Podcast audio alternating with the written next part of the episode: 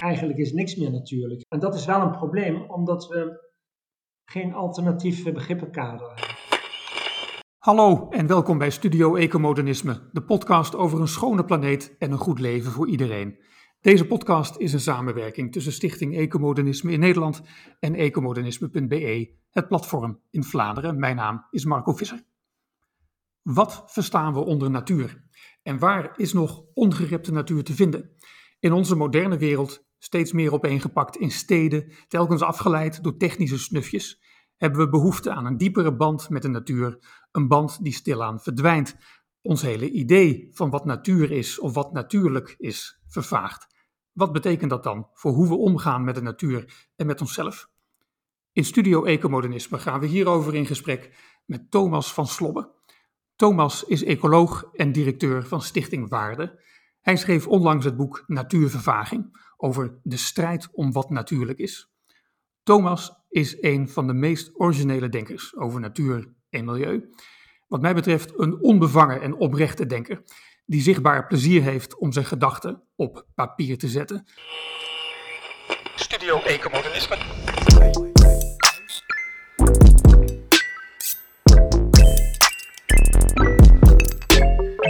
Thomas van Slobbe, fijn dat je er bent. Hartelijk welkom.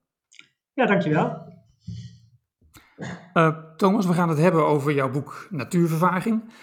Maar eerst wil ik onze luisteraars, die misschien niet allemaal bekend zullen zijn met jou en jouw werk, graag een wat betere indruk geven van jou dan die ik net zelf heb uh, geschetst in het kort. Wil jij eens iets meer vertellen over een paar van jouw spraakmakende projecten die je hebt opgezet, zoals de vlechtheggen of het smulbos? Mag ik jou het woord geven om iets meer te vertellen over, jou, uh, over jouw werk? Ja, dat is goed. Nou, ik ben dus directeur van een uh, stichting Waarde. Dat is een vrij kleine denktank in Nederland. het belangrijkste wat wij doen is uh, met mensen praten. Uh, heel goed luisteren naar hoe mensen natuur beleven. En dan richten we ons op wat wij noemen de straatwaarde van duurzaamheid. Dus we praten niet per se met natuurliefhebbers in het bos, maar we praten met, met jongeren op hangplekken of met mensen midden in het centrum van de stad. En we zeggen, ja, wat, wat vind je nou? Hoe, hoe sta je in het leven? Wat heb je met natuur? En van daaruit uh, onderrollen we dan bepaalde campagnes of bepaalde activiteiten die aansluiten of, of, juist toevoegen aan de beleving van mensen. Nou, eentje is bijvoorbeeld, ja. uh, wat mij fascineerde is, we waren een keer met jongeren bomen aan het planten. En dat vonden ze helemaal niks.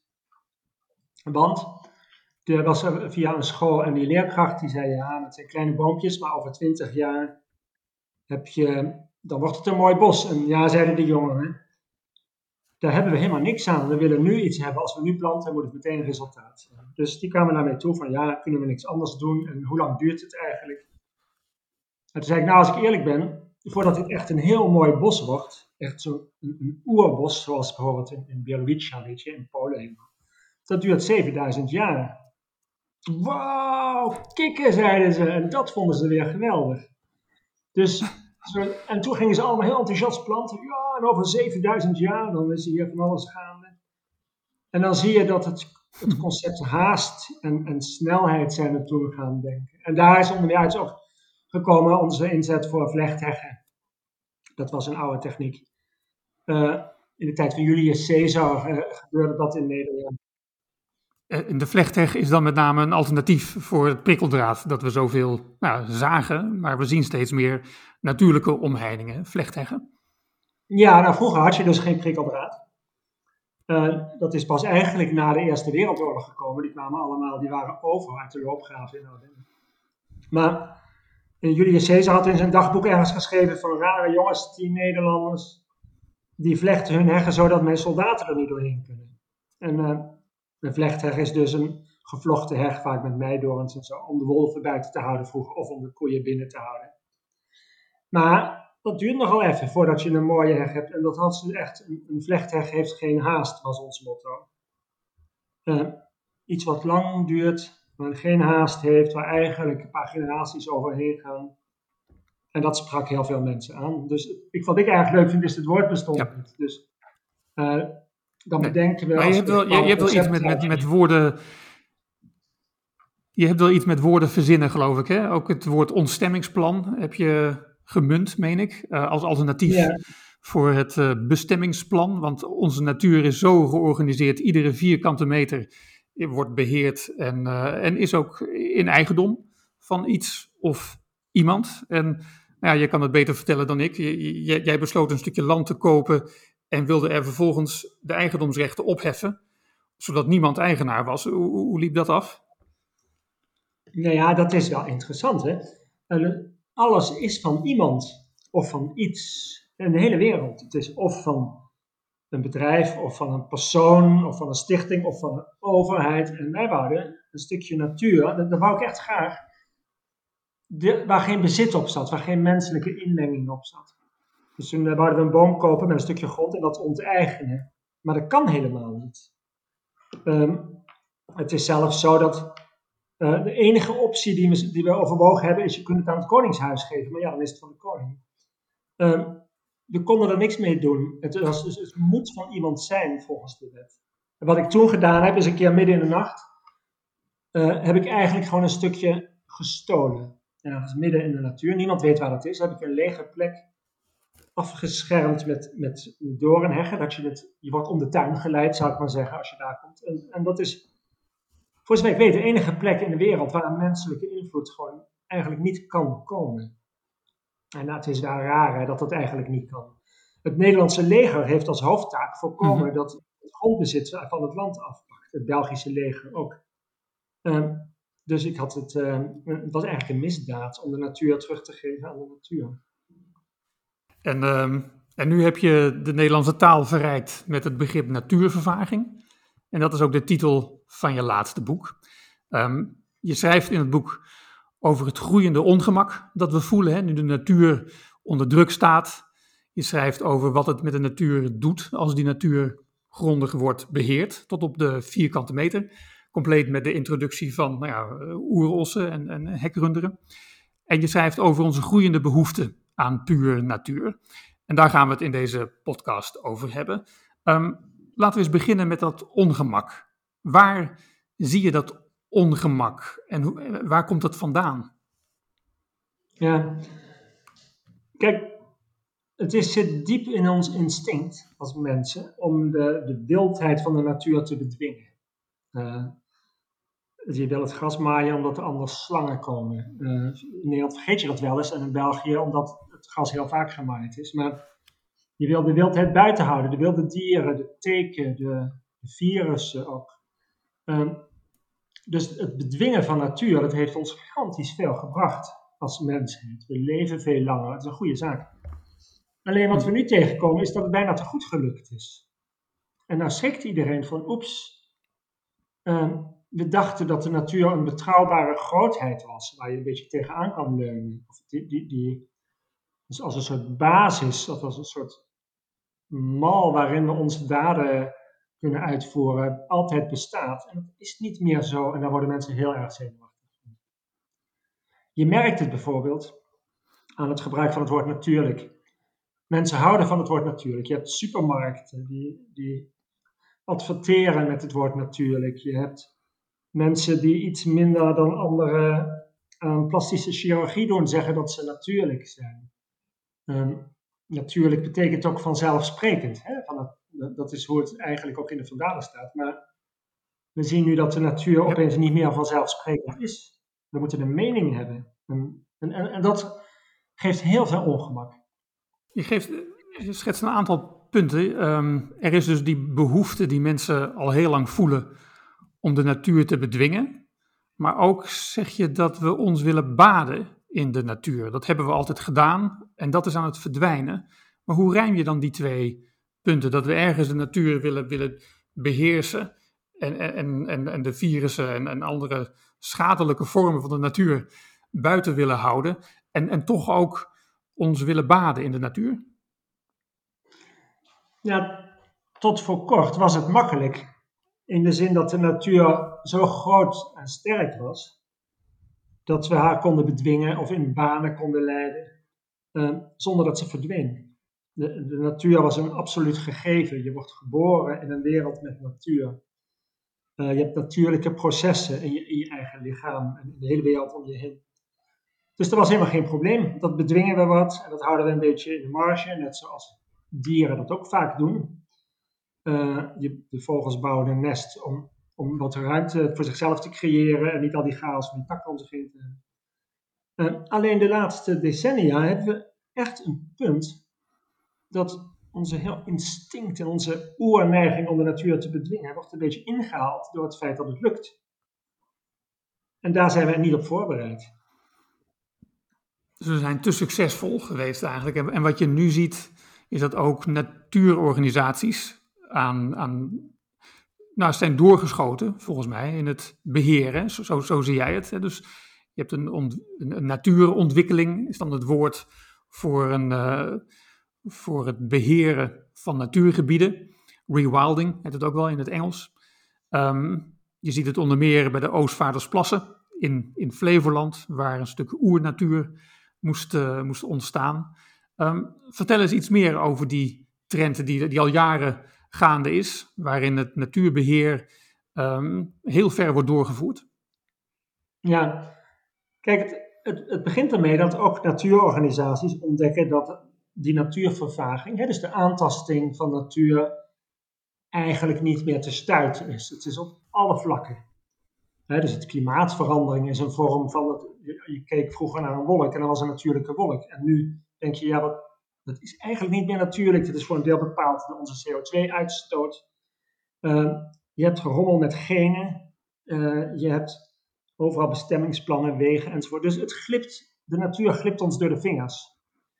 En dan heb je natuurorganisaties die denken, ja, wacht eens even, laten we in ieder geval proberen dat we op een paar gebieden uh, zoveel mogelijk de natuurlijke processen een kans geven. Uh, dat is best een, een, een, nobel streven, want je, je verliest echt iets als je dat niet probeert. Alleen het is tot mislukken gedoemd, want de ontwikkeling uh, van die natuurvervaging is, gaat overal heen. En dan zie je bijvoorbeeld in de natuur, in de Oostvaarderplassen, daar wordt gezegd, we, we, creëren een vrije ruimte waar verschillende kuddes dieren uh, zichzelf kunnen redden. En dat houdt zichzelf in evenwicht. Uh, maar het is niet zo, want hier, er zit een hek omheen. Dat is al een probleem. Dus als die dieren willen wegtrekken, kan dat niet. Daarnaast heb je... Ja, want het gaat hier om, het gaat hier om grote kuddes hè, met uh, koninkpaarden en hekrunderen en, en, en oerossen. Dus de grote ja. grazers. Um, die, die, die vreten de boel kaal. Um, en, en de ruimte die ze hebben, zeggen de critici, is te klein eigenlijk voor, voor, voor, wat, ze zouden, voor wat ze nodig hebben. Waardoor er ook heel veel dood, ziekte en dood uh, optreedt bij deze dieren. Ja, daar is, daar is discussie over, want uh, die ziekte en dood treedt ook op uh, bij de kuddes die alle ruimte hebben in Afrika bijvoorbeeld. Ziekte en dood hoort bij het leven. Uh, er wordt meer gestorven dan geleefd in de natuur, hoorde ik wel eens. Het is echt uh, alomtegenwoordig. Maar dan kom je ook nog tegen mm -hmm. dat het zo dicht bij de menselijke beschaving is. En mensen houden er niet van om die ziekte en dood te zien zo dichtbij. En je krijgt allemaal spanningsvelden. Van ja, mogen wij als boer onze koeien moeten allemaal regels voldoen om die goed te verzorgen. Dat kost ons heel veel geld en onze paarden. En dan tien meter verderop uh, mogen ze gewoon doen wat ze willen. Dus de frictie tussen beschaving en beheersing en het streven naar puur natuur, dat, dat is uh, ja, gedoemd om uh, tot problemen te leiden. En dat zien we ja. ook ja. met de wolf, dat... wat we dus in, in België zagen. Dat, sorry? Nee, ga door over de wolf, prima. Nou ja, met de wolf zien we dat ook wel. Dat die houdt zich ook niet aan de regels van het spel. Dan, eh, het is eigenlijk een inheems dier. Het is natuurlijk, zeggen ze, maar dat is ook alweer de vraag natuurlijk. Uh, en we hebben net een beetje een structuur in België, in Nederland, in ons landschap. En dat beest loopt er dwars doorheen. En je ziet dat dat tot spanningen leidt. Van in, uh, in België heb je, daar zijn mensen bang dat die wolf uh, de paardenhouderij aantast, dat ze veulens gaan pakken. In je hebt de wolven die de schapen pakken. Je hebt jagers, dat is dus die, die de wolf afschieten terwijl dat niet mag. En andere mensen willen die wolf juist weer beschermen. En hebben geen flauw benul hoe we ermee om moeten gaan. Um, en dat, dat is terug te voeren uiteindelijk tot het feit dat we eigenlijk geen concept hebben, geen gedachte over hoe je met die natuurvervaging om moet gaan. We stribbelen maar een beetje tegen met z'n allen. Je hebt tenminste één groep die zegt, ja, we moeten een beetje terug naar de natuur. En een andere groep die zegt, nee, we gaan vooruit. We gaan eh, meer vooruitgang, meer innovatie, dan komt alles goed. En die, die twee groepen zijn eigenlijk niet samen te voegen. En dat is, niemand heeft bedacht hoe nog. Dat is heel interessant. En als we dan naar die wolf gaan kijken, maakt het dan uit of die wolf op natuurlijke wijze in Nederland en België is gekomen? Want er, zijn ook weer jagers die zeggen, ja, maar die wolf, die is uitgezet hier. Dat is allemaal bedacht. Er is een heel managementplan, uh, ligt eraan ten grondslag. Maakt dat nou eigenlijk uit of de wolf hier op natuurlijke wijze uh, vanuit Oost-Europa door Duitsland heen hier naartoe is gekomen? Of dat, het wordt, of dat een beest wordt uitgezet? Nou ja, politiek wel. Ik, weet, in Nederland begon het al een tijd geleden. Er waren vragen aan de minister: van als de wolf komt, moeten we hem wel beschermen. En de minister zei dat zien we dan alweer, die had er helemaal geen zin in. Maar toen bleef de, Kamer, de Tweede Kamer maar doorvragen. En toen zei ze: Nou ja, als die uit zichzelf komt, is het een inheems dier. En dan hebben we gewoon de juridische plicht. Die is Europees vastgesteld. Uh, om het dier te beschermen. Dus dat is de juridische politieke achtergrond die ook wel discutabel is. Hoor. Je had het ook met de, met de beer bijvoorbeeld. Ik weet dat uh, Duitsland heeft heel veel druk uitgeoefend op landen als Tsjechië en Oostenrijk om de beer te beschermen. Dat was zo'n zeldzaam dier. Tot de beer mhm. een keer in Duitsland kwam. En toen vonden ze het een probleemgeval, is die al meteen doodgeschoten. En als je doordenkt, ik snap dat mensen een soort beleid willen en een soort houvast voor beleid willen. Maar eigenlijk is niks meer natuurlijk. Hè? Dus het is een moeilijk onderscheid. Het woord natuurlijk verdwijnt uit het woordenboek, is mijn stelling. Nou, het betekent gewoon niks meer.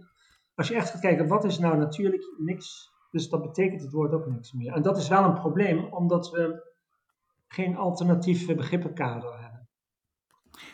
Maar je zegt ook, het woord natuurlijk is, is razend populair. We lopen een supermarkt binnen en, en ongeveer alle producten zijn uh, natuurlijk en er zijn natuurlijke kleurstoffen zitten erin. Uh, in, de, in de geneeskunde worden natuurlijke medicijnen, natuurlijke geneesmiddelen worden hoger gewaardeerd. Nou in, in het voetbal wordt het natuurtalent misschien ook wel hoger gewaardeerd, zoals ja. Lionel Messi in plaats van uh, de gedisciplineerde doorzetter als Ronaldo, die overal keihard op getraind heeft. Dus er is iets aan wat natuurlijk is, dat wij heel erg waarderen. Misschien is die betekenis aan het vervagen, maar we vinden het goed wat natuurlijk is. Dat is dan toch juist een, een, een open doek voor, voor het woord natuurlijk om nog veel verder te groeien. Want alles wat wij goed vinden, noemen wij natuurlijk. Ja, ik, ik zie dat toch als een soort stuiptrekking van het begrip. Mensen voelen dat het ons uh, uit de vingers glipt. Het puur natuur of het natuurlijke. En dus, en dat willen we niet. Dat, dat, dat verlies, we weten niet wat er voor in de plaats komt. Misschien wel een robot of zo, of, of nog meer computers. Of, niemand weet het precies. Mhm. Maar je, je ziet wel dat het gebeurt. Ook in ons eigen lichaam. Hè? Mensen hebben pacemakers of kunstheupen of, of een bril of wat dan ook.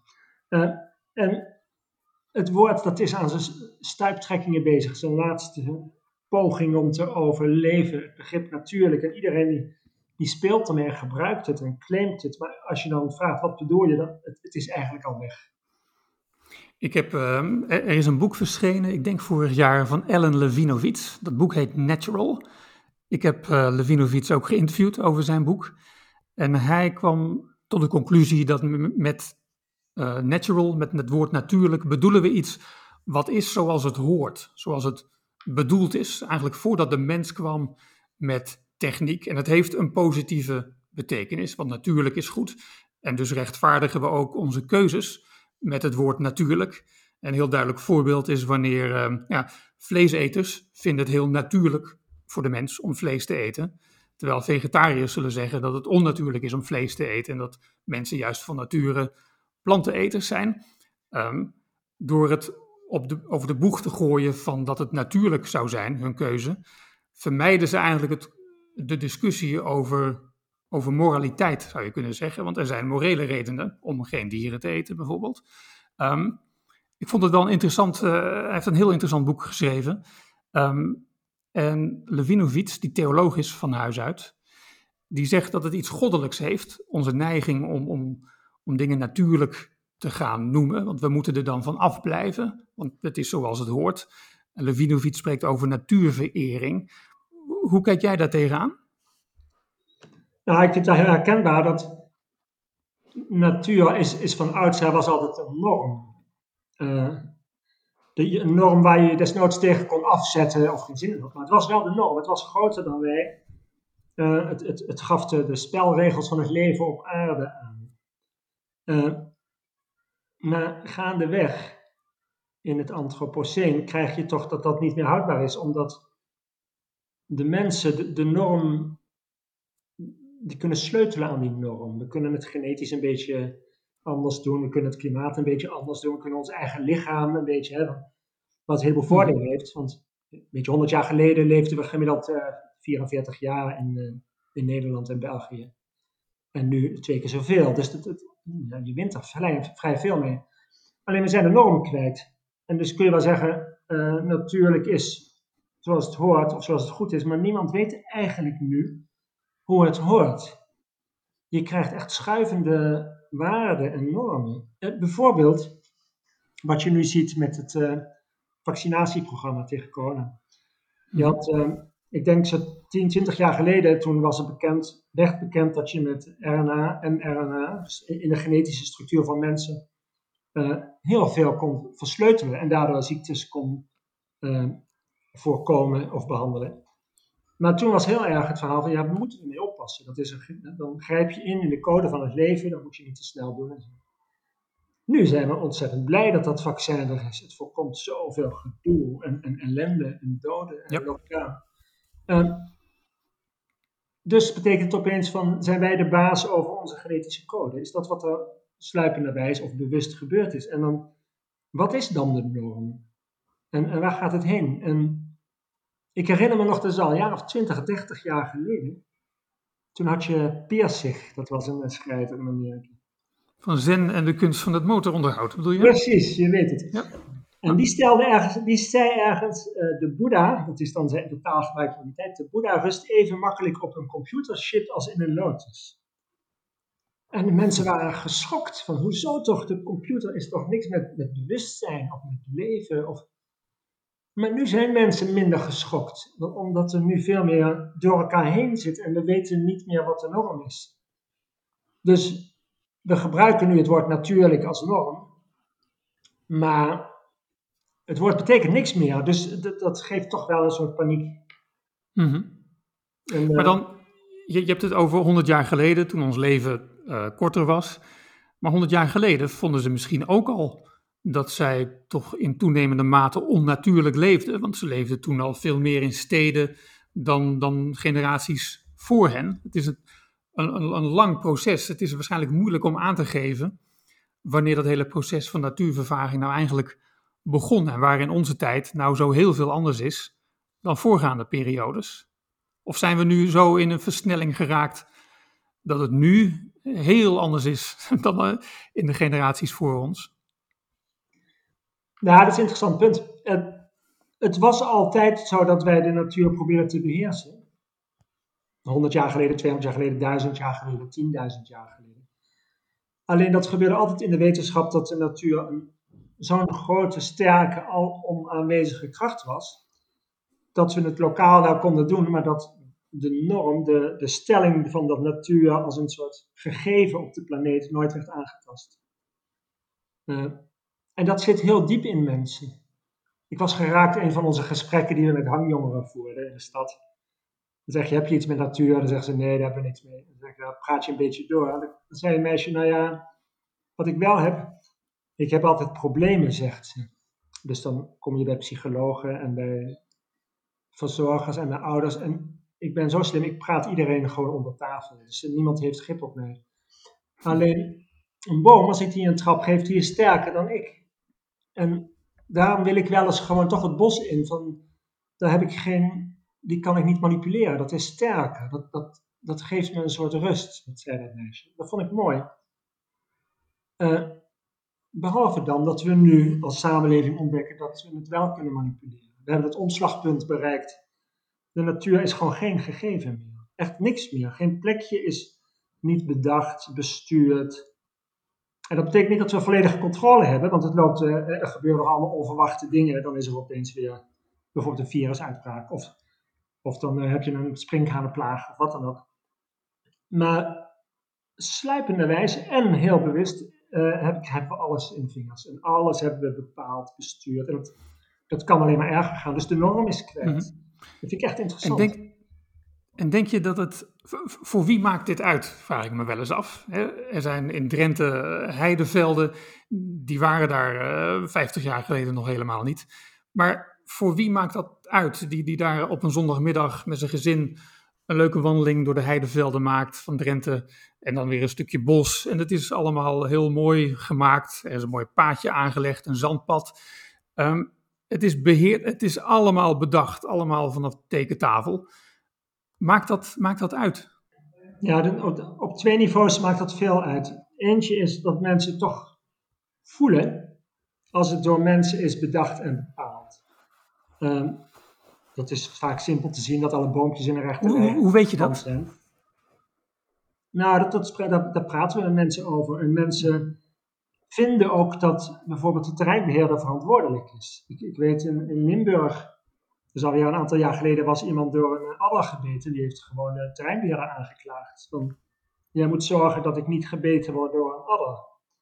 Uh, mensen vertrouwen op uh, de overheid of de beheerder dat, dat hij de boel in de hand heeft. Maar dat missen ze wel. Dus dan gaan ze op vakantie naar de bergen of, of naar de zee om toch de, de bepaalde wildheid die je in jezelf toch kennelijk nodig hebt om die weer op te zoeken. Een ander punt waarom het uitmaakt, dat is van een heel ander niveau, is het beleid voor de toekomst. En dat is, daar zit ik echt mee in mijn maag. Van de biodiversiteit die holt achteruit, bijvoorbeeld het klimaat gaat niet goed. Moeten we nou, en dat is één mogelijke route, toch proberen de natuur, de natuurlijke processen meer ruimte te geven, te herstellen? Dus als mensen terugtrekkende beweging maken, hè, er zijn veel ecologen die daarvoor pleiten, van geef de halve wereld aan de natuur en blijft over. Mm Of zeggen we, ja, dat gaat hem niet worden, we zijn ook met te veel mensen en is te veel gedoe. We gaan gewoon voor de vooruitgang, we lossen het wel op. Vertrouwen hebben in het probleemoplossend vermogen van mensen. En we laten dat concept natuurlijk gewoon los. En dat zie je bijvoorbeeld bij de aanpak van klimaatverandering. Je kunt kunstmatig het klimaat een beetje bijsturen. Bijvoorbeeld door. Over, over geoengineering, hè? Ja, bijvoorbeeld. Mhm. Dus je kunt een wolkendek boven de Stille Oceaan maken. Dat kan vrij simpel, ook relatief goedkoop. En, en die wolken houden dan de zon tegen en dan wordt het koeler. Dat is één route. En een andere route is, uh, gaan bomen planten bijvoorbeeld. Of, of minder uitstoten zelf. En uh, natuurlijk allemaal variaties daartussen.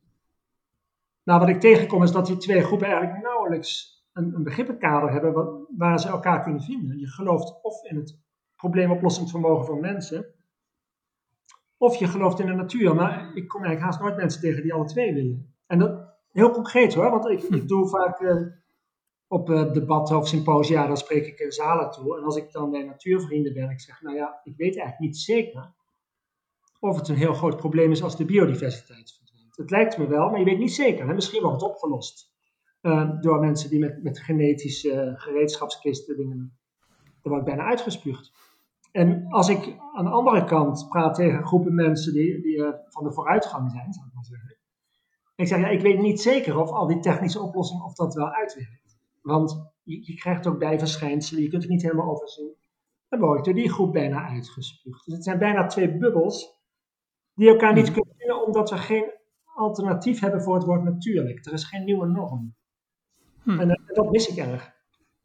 En de maakbaarheid van de natuur daar zie jij niet een, een, uh, een, een, brug tussen die twee groepen? Nou,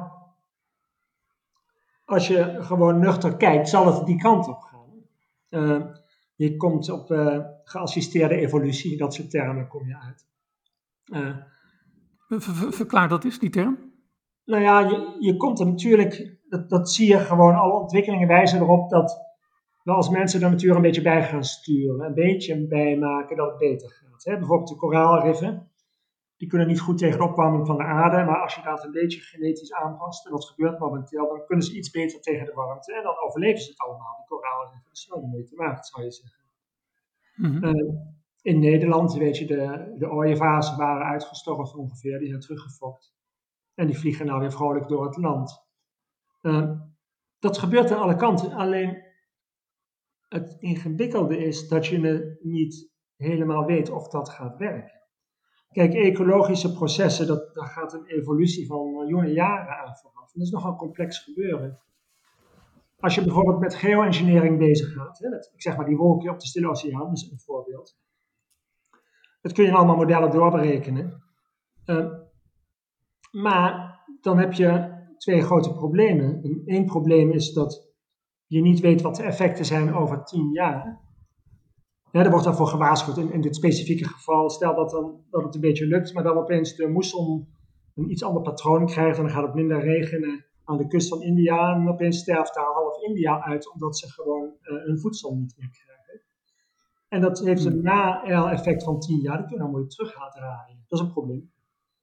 En een ander probleem, wat ik misschien nog wel het grootste vind met maakbaarheid van natuur, is uh, het gebrek aan wijsheid van de menselijke samenleving. Uh, er komt gauw macht bij kijken, uh, machtsmisbruik, eigenbelang. En dat is wel ingewikkeld hoor. Want je, ja, want je ziet het overal. Hè? Je ziet iedere uitvinding die gedaan wordt, wordt al vrij snel misbruikt of, of, of selectief gebruikt. En daar hebben we eigenlijk geen antwoord op als, als mensheid. En toen alles nog natuurlijk was, maakte dat niet zoveel uit, want je zat op lokaal niveau een beetje die natuur te beheersen. Maar de natuur zelf, die had zijn eigen regels. Maar dat raakten we nou kwijt. Dus uh, er zitten nogal wat haken en ogen aan. Los van het laatste, en dat is een ingewikkeld punt.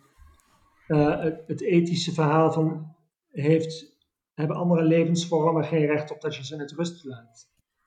Ik, vind ethiek is, is moeilijk hoor, maar het zijn wel aandachtspunten.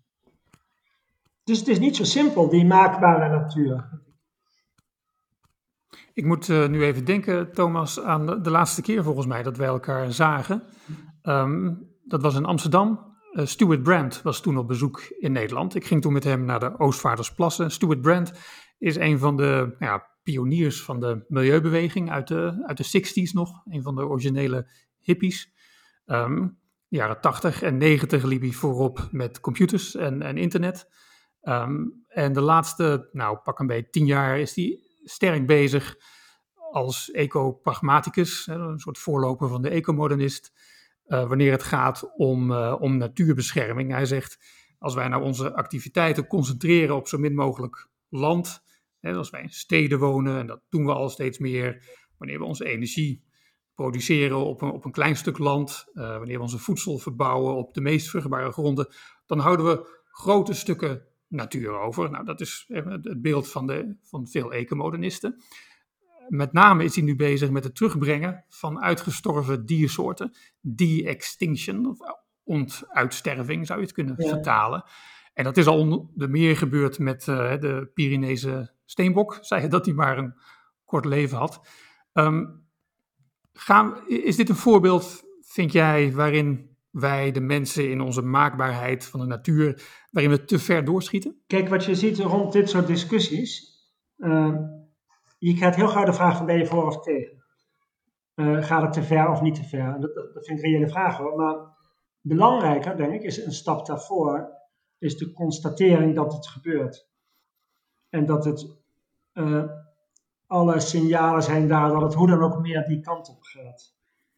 Uh, dus ik denk voordat je meteen in een soort opinie vervalt van nou, dat moet langzamer of sneller, of wat dan is van het, het onder ogen zien dat het niet tegen te houden is.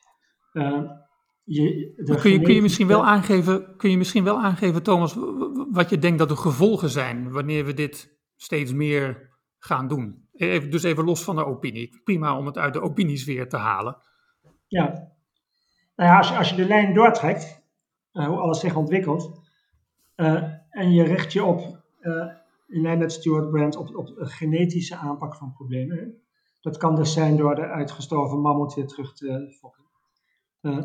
Maar je ziet het ook door bepaalde soorten iets aan te passen. Het beroemde voorbeeld is de gouden rijst. Hè, dat je de rijst zoiets ietsjes verandert genetisch, dat hij meer vitamine A in zich draagt en dan dat geeft. Ja. Ontzettend veel gezondheid uh, voor, voor met name mensen in Afrika. Uh, dat gaat gebeuren, dat kan niet anders. Dat, met dat CRISPR-Cas, die nieuwe techniek die nu ook gebruikt wordt met het vaccin, het wordt zo makkelijk.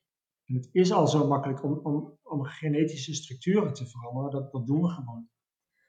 Uh, daarnaast zie je een andere ontwikkeling die ook gewoon wat je er ook van denkt gewoon gaat gebeuren, is de kunstmatige intelligentie. Dus dat uh, computers uh, ingezet worden, zelflerende computers, deep learning, uh, met algoritmen om problemen op te lossen die wij zelf moeilijker kunnen oplossen. Dus het gaat meer en meer naar dat kunstmatige toe. En ik denk dat dat gewoon een feit is.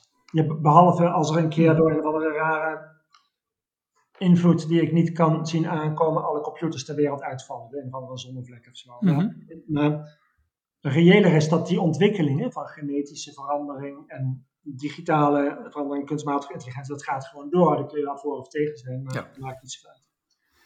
En waar dat toe leidt, dat is wel een mooie vraag natuurlijk. dan, wanneer is een mens nog een mens bijvoorbeeld? En ik weet wat is het, twintig jaar geleden hadden we een keer een symposium met Stichting Natuur en Milieu. Daar werkte ik toen over de vraag. Er was net een film Robocop uitgekomen, hè, het over natuurlijk. Ja. En uh, toen hadden mensen, heel veel mensen, ja, aan mijn lijf geen Polonaise. Hè. Ik wil een natuurlijk lichaam houden, dat in ieder geval. En dat is nou helemaal niet meer. Iedereen heeft kunstgebitten, kunstheupen, gelezerde ogen, geverfde haren, borstvergrotingen aan alle kanten. Pacemakers. Het hele natuurlijk hebben we gewoon losgelaten. En, uh, ja, je, je kunt ervan uitgaan dat er een soort normalisering optreedt zodra je die, die weg eenmaal inslaat. Dat zeg ja. je? Ja, dat is gewoon niet te stuiten. En zowel niet op genetisch niveau als op uh, niveau van uh, kunstmatige intelligentie. Dus, uh, dus de, de grote vraag is nu, als je dat natuurlijke, dat zijn dus kwijt.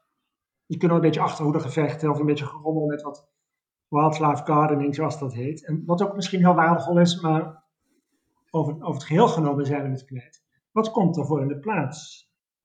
En daar weet eigenlijk niemand echt een antwoord op. Mhm. Dat vind ik interessant. En dat is wel nodig.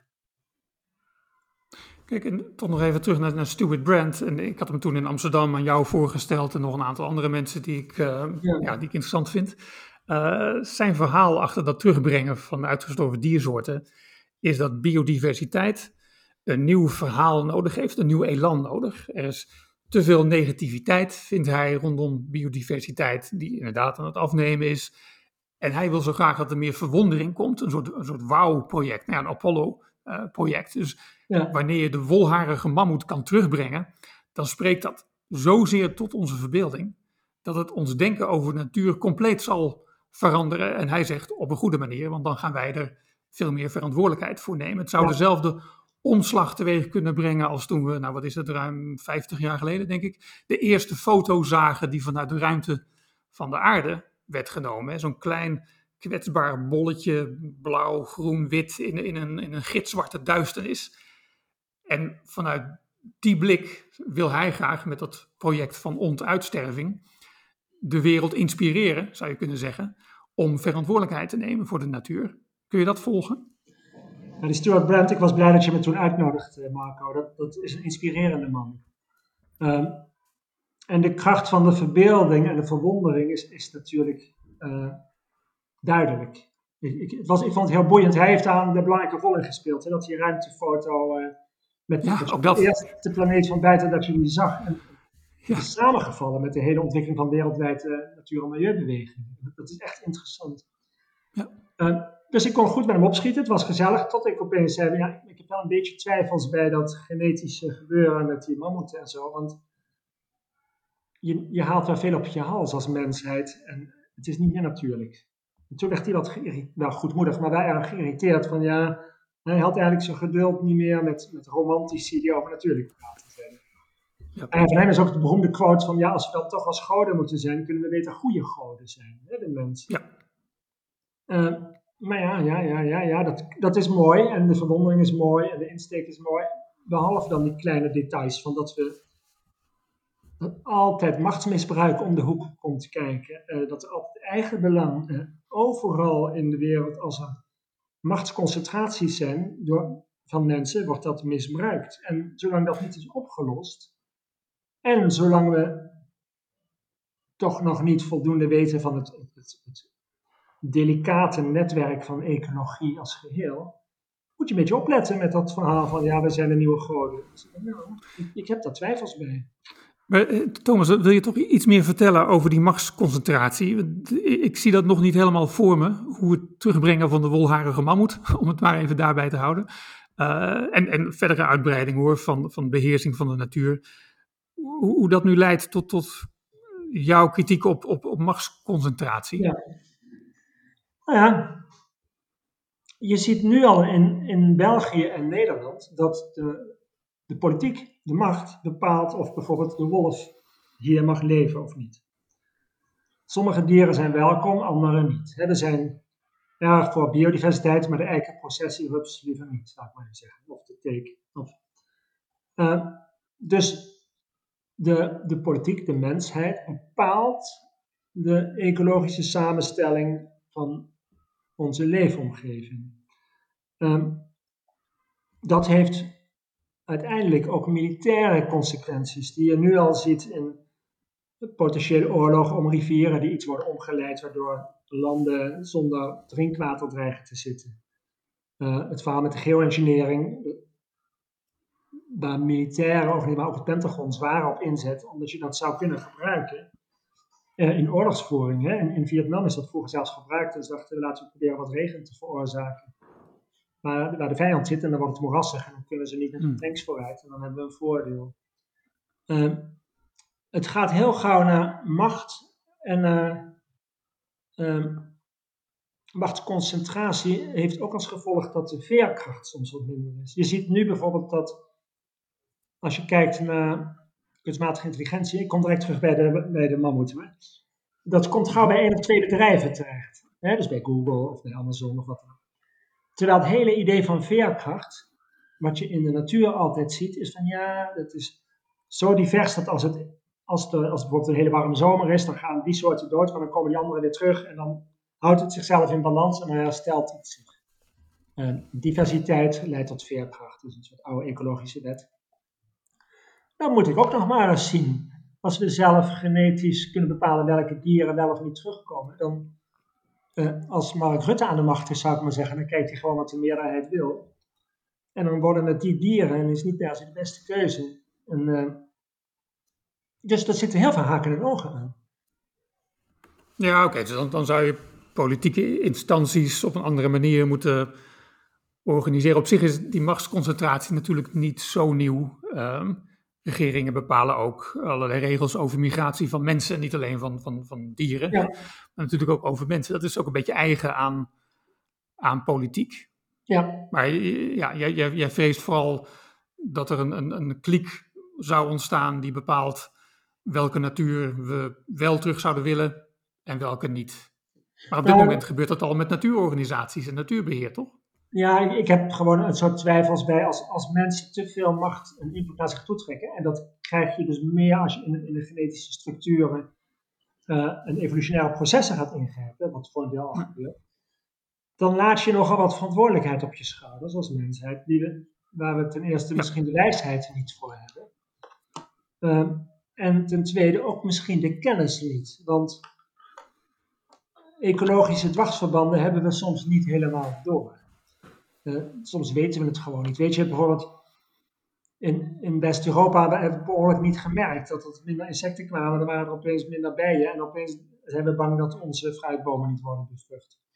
Het zagen we even niet aankomen omdat er niemand echt opgelet had. Dat is wel een probleem. En dat kun je ook wel je oplossen met kleine drones en zo, maar dan ben je weer een paar jaar verder. Dus uh, ik ben erg huiverig voor de, de groeiende invloedssfeer van mensen, terwijl ik zie dat het uh, gewoon zeker gebeurt. Dus ik, ik zou heel graag willen dat we een soort wijsheid ontwikkelen, of een soort visie waarin we die, die, die vooruitgang, die technische vooruitgang, in balans brengen met mhm. bepaalde ecologische processen. En ik zie dat gewoon niet gebeuren. Er is gewoon geen concept voor. En uh, misschien moeten jullie dat... het is ook haast niet...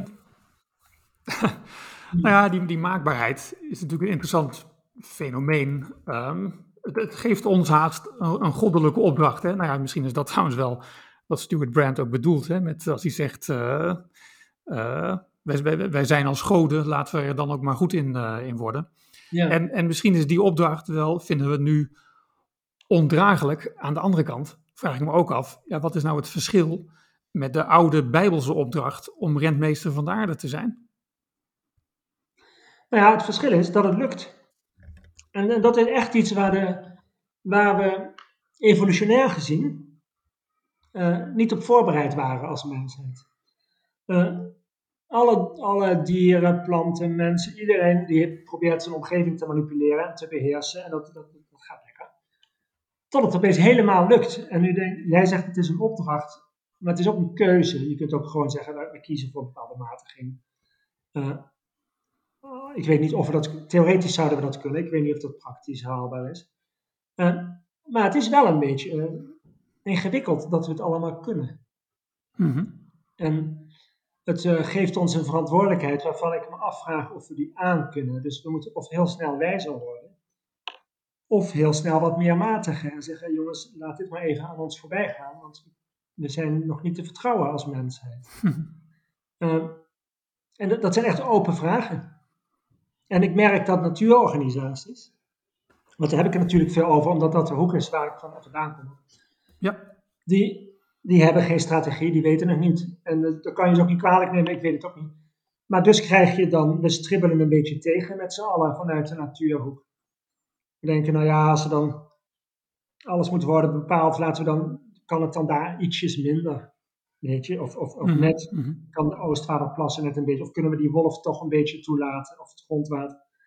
En dat is, dat is een beetje tijdrekken. En, en, en het ja, dus er, wordt, ja, en eigenlijk wordt er geen keuze gemaakt. Hè? Je, je schetste eerder een soort tegenstelling tussen de meer traditionele milieubeschermers, die toch vooral ja, wat minder willen, minder technologisch in ieder geval, ehm, en de vooruitgangsdenkers, noem het maar even, de ecomodernisten, die meer willen inzetten op, op technologie om ook de natuur uh, te beschermen. En jij zegt die twee praten langs elkaar heen. Hè? Jouw verhaal wordt, wordt, vindt weinig weerklank in beide kampen, zeg je eigenlijk. Ja. Um, en, en, en tot die tijd modderen we een beetje aan, want geen van beide kampen heeft nou uh, de, de, macht, zal ik maar zeggen. De, de ecomodernisten niet, die vinden ook dat ze tegen de stromen in, uh, in, in groeien. En de traditionele natuurbeschermers zeggen ook dat zij, geen, dat zij te weinig invloed hebben. Dat is ook niet hun route die we nu varen. Dus we, doen het, we, rommelen een beetje aan. Klopt dat? Ja, maar dat, dat is waar. Maar het is niet alleen macht. Wat belangrijker is, uh, we hebben eigenlijk geen begrippenkader of geen wijsheid waarin de gerechtvaardigde argumenten van de mensen die aandacht vragen voor natuur en terug naar de natuur willen, zou ik maar zeggen tot hun recht komen en de gerechtvaardigde argumenten van mensen die in technical fix geloven tot hun recht komen. Het is al te gauw in de discussie het een of het ander. En uh, we zouden een soort sprong in, in onze perceptie moeten maken, of in onze wijsheid, dat alles wat waar is tot zijn recht komt en, en niet, en die is er niet. Het is of natuurlijk of het is technisch, maar daar kom je, daar schiet niet op natuurlijk. Hè? Dus we, we, hebben echt nieuwe inzichten nodig. En je hebt de, moderne filosofen, die antropocene filosofen zoals uh, Timothy Morton en zo, die stoeien daarmee. Die, die, die, die blazen de definities op. Die zeggen ja, een, een, het hele concept van soorten bestaat helemaal niet. Mensen zijn helemaal niks, die bestaan ook voor deel uit bacteriën. Dus de hele, definitie moeten we loslaten en zo. Mm En, en dat, dat, ik, ik snap wat ze zoeken, maar het is nog wel zoeken en niet vinden. En het is voor een deel uh, destructie van bepaalde denkpatronen. Ja, Timothy Morton zegt, we hebben een nieuw soort logica nodig. De logica voldoet niet. We hebben een nieuwe ecologica nodig, zegt hij. Dat klinkt heel mooi. Mhm. Maar hoe die dan is, en, en hoe je die begrippen vooruitgang en, en oprechte betrokkenheid bij de natuur en een waardering voor, voor de natuur, hoe je dat samen kan voegen, dat, dat is er niet. En daarnaast heb je nog die machtsvraag. Dus dat is wel, het zijn interessante tijden nu, uh, Marco. Nou, ik, ik vind het altijd mooi om, om nou ja, naar jou te luisteren en, en, jouw werk te lezen, omdat je die nuance ook wel uh, erkent. Hè? Uh, je erkent ook dat er nou ja, de wil tot bedwingen van de natuur, dat die vooruitgang heeft gebracht. Dat is niet iets wat je ontkent, maar ik, ik merk jouw worsteling. Je schrijft in je boek een aantal keren dat wij mensen zenuwachtig worden wanneer de natuur vervaagt. Maar als ik dat lees, dan denk ik ook vaak, het is ook Thomas van Sloppen die volgens mij zenuwachtig wordt bij dit hele idee van natuurvervaging, toch? Ja, dat is waar. Het raakt jou ook. Ja, ja. ja. ja ik voel een instinctieve onrust. En uh, ik, we hebben duizenden mensen geïnterviewd, dus je, je herkent het ook. Maar ik, je kunt het ook alleen herkennen uh, als je het in jezelf ook hebt. Dus dat, dat, dat is zo. Ik heb voor dit boek een boek geschreven, meer een roman, Handvest Anthropoceen, over, over een professor die... Uh, vanuit oprechte betrokkenheid een uitvinding deed voor geoengineering. En gigantisch vastloopt in, in het niet weten of ze dat aan de wereld moet vrijgeven of niet. Uh, heel gedoe.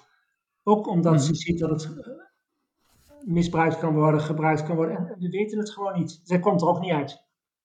Het, dus zij loopt helemaal vast. Ja.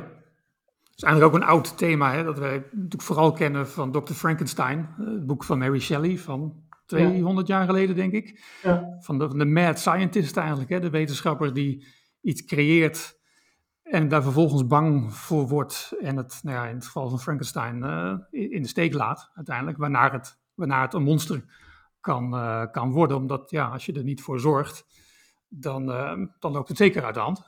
Ja, ja het is er hangt een beetje de sfeer in, wereldwijd. Uh, dat komt van een reclameleus van uh, niet omdat het moet, maar omdat het kan.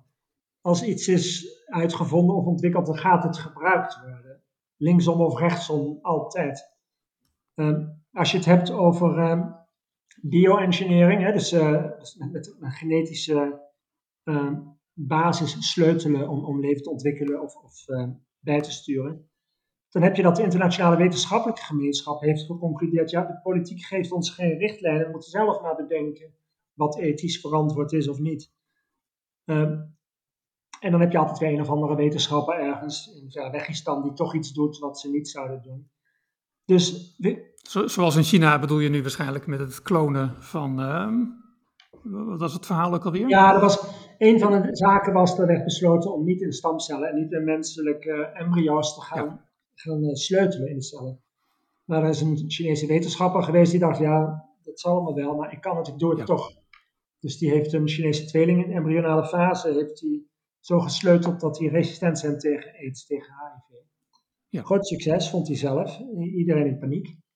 Omdat, omdat het, het ethische kader of de begrenzing is gewoon niet te houden. En uh, dat is echt een punt.